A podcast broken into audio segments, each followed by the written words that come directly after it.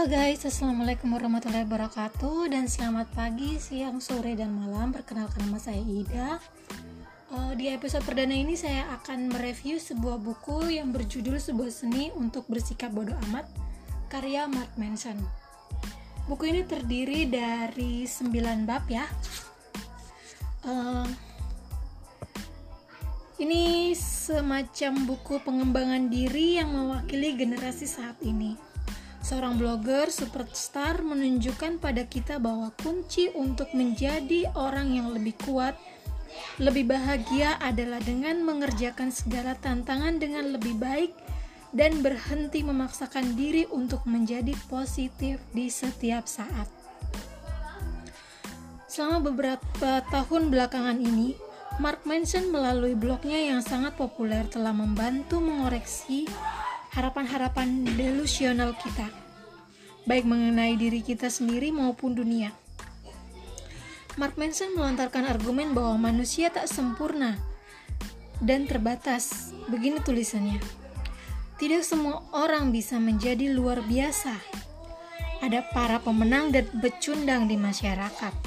Dan beberapa di antaranya tidak adil dan bukan akibat kesalahan Anda, Manson mengajak kita untuk mengerti batasan-batasan diri dan menerimanya. Baginya, inilah sumber kekuatan yang paling nyata. Ya, menurutku itu benar. Tepat saat kita mampu mengakrapi ketakutan, kegagalan, dan ketidakpastian, tepat saat kita berhenti melarikan diri dan mengelak dan mulai menghadapi kenyataan-kenyataan yang menyakitkan. Saat itulah kita mulai menemukan keberanian dan kepercayaan diri yang selama ini kita cari dengan sekuat tenaga. Dalam hidup ini kita hanya punya kepedulian dalam jumlah yang terbatas.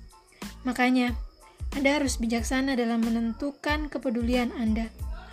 Manson menciptakan momen perbincangan yang serius dan mendalam. Dibungkus dengan cerita-cerita yang menghibur dan ke kekinian, serta humor yang cadas. Buku ini merupakan tamparan di wajah yang menyegarkan untuk kita semua, supaya kita bisa memulai menjalani kehidupan yang lebih memuaskan dan apa adanya. Oh ya, Mark Manson adalah seorang blogger kenamaan dengan berjuta-juta pembaca. Ia tinggal di New York, sebuah, sebuah seni untuk bersikap bodoh amat adalah buku pertamanya. Uh, buku ini yang seperti yang saya bilang tadi, buku ini terdiri dari 9 bab. Bab pertama intinya judulnya jangan berusaha. Yang kedua, kebahagiaan itu masalah. Yang ketiga, Anda tidak istimewa. Keempat, nilai penderitaan. Lima, Anda selalu memilih. Anda keliru tentang semua hal yang bab keenam. Bab ketujuh, kegagalan adalah jalan untuk maju. Bab ke-8, pentingnya berkata tidak.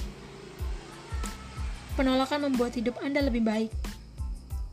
Dan yang terakhir, dan kemudian Anda mati.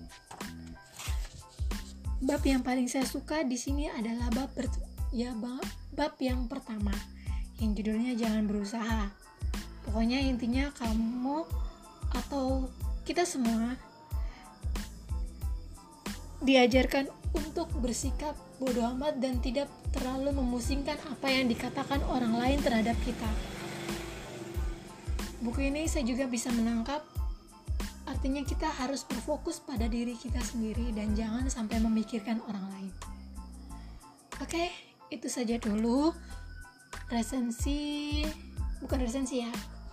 Semacam tentang pembahasan buku yang saya baca selama ini ya lumayan sih kalau buku ini kalau dikasih nilai 1 sampai 5 saya kasih angka 4 lah.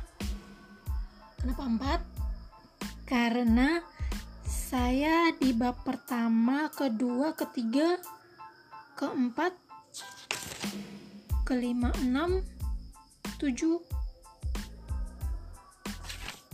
antara 1 sampai 9 saya lebih suka yang pertama-pertama, yang bab pertama cuman kalau yang bab terakhirnya saya tidak terlalu suka makanya saya milih angka 4 oke teman-teman semoga kalian baca bukunya ya. Terima kasih.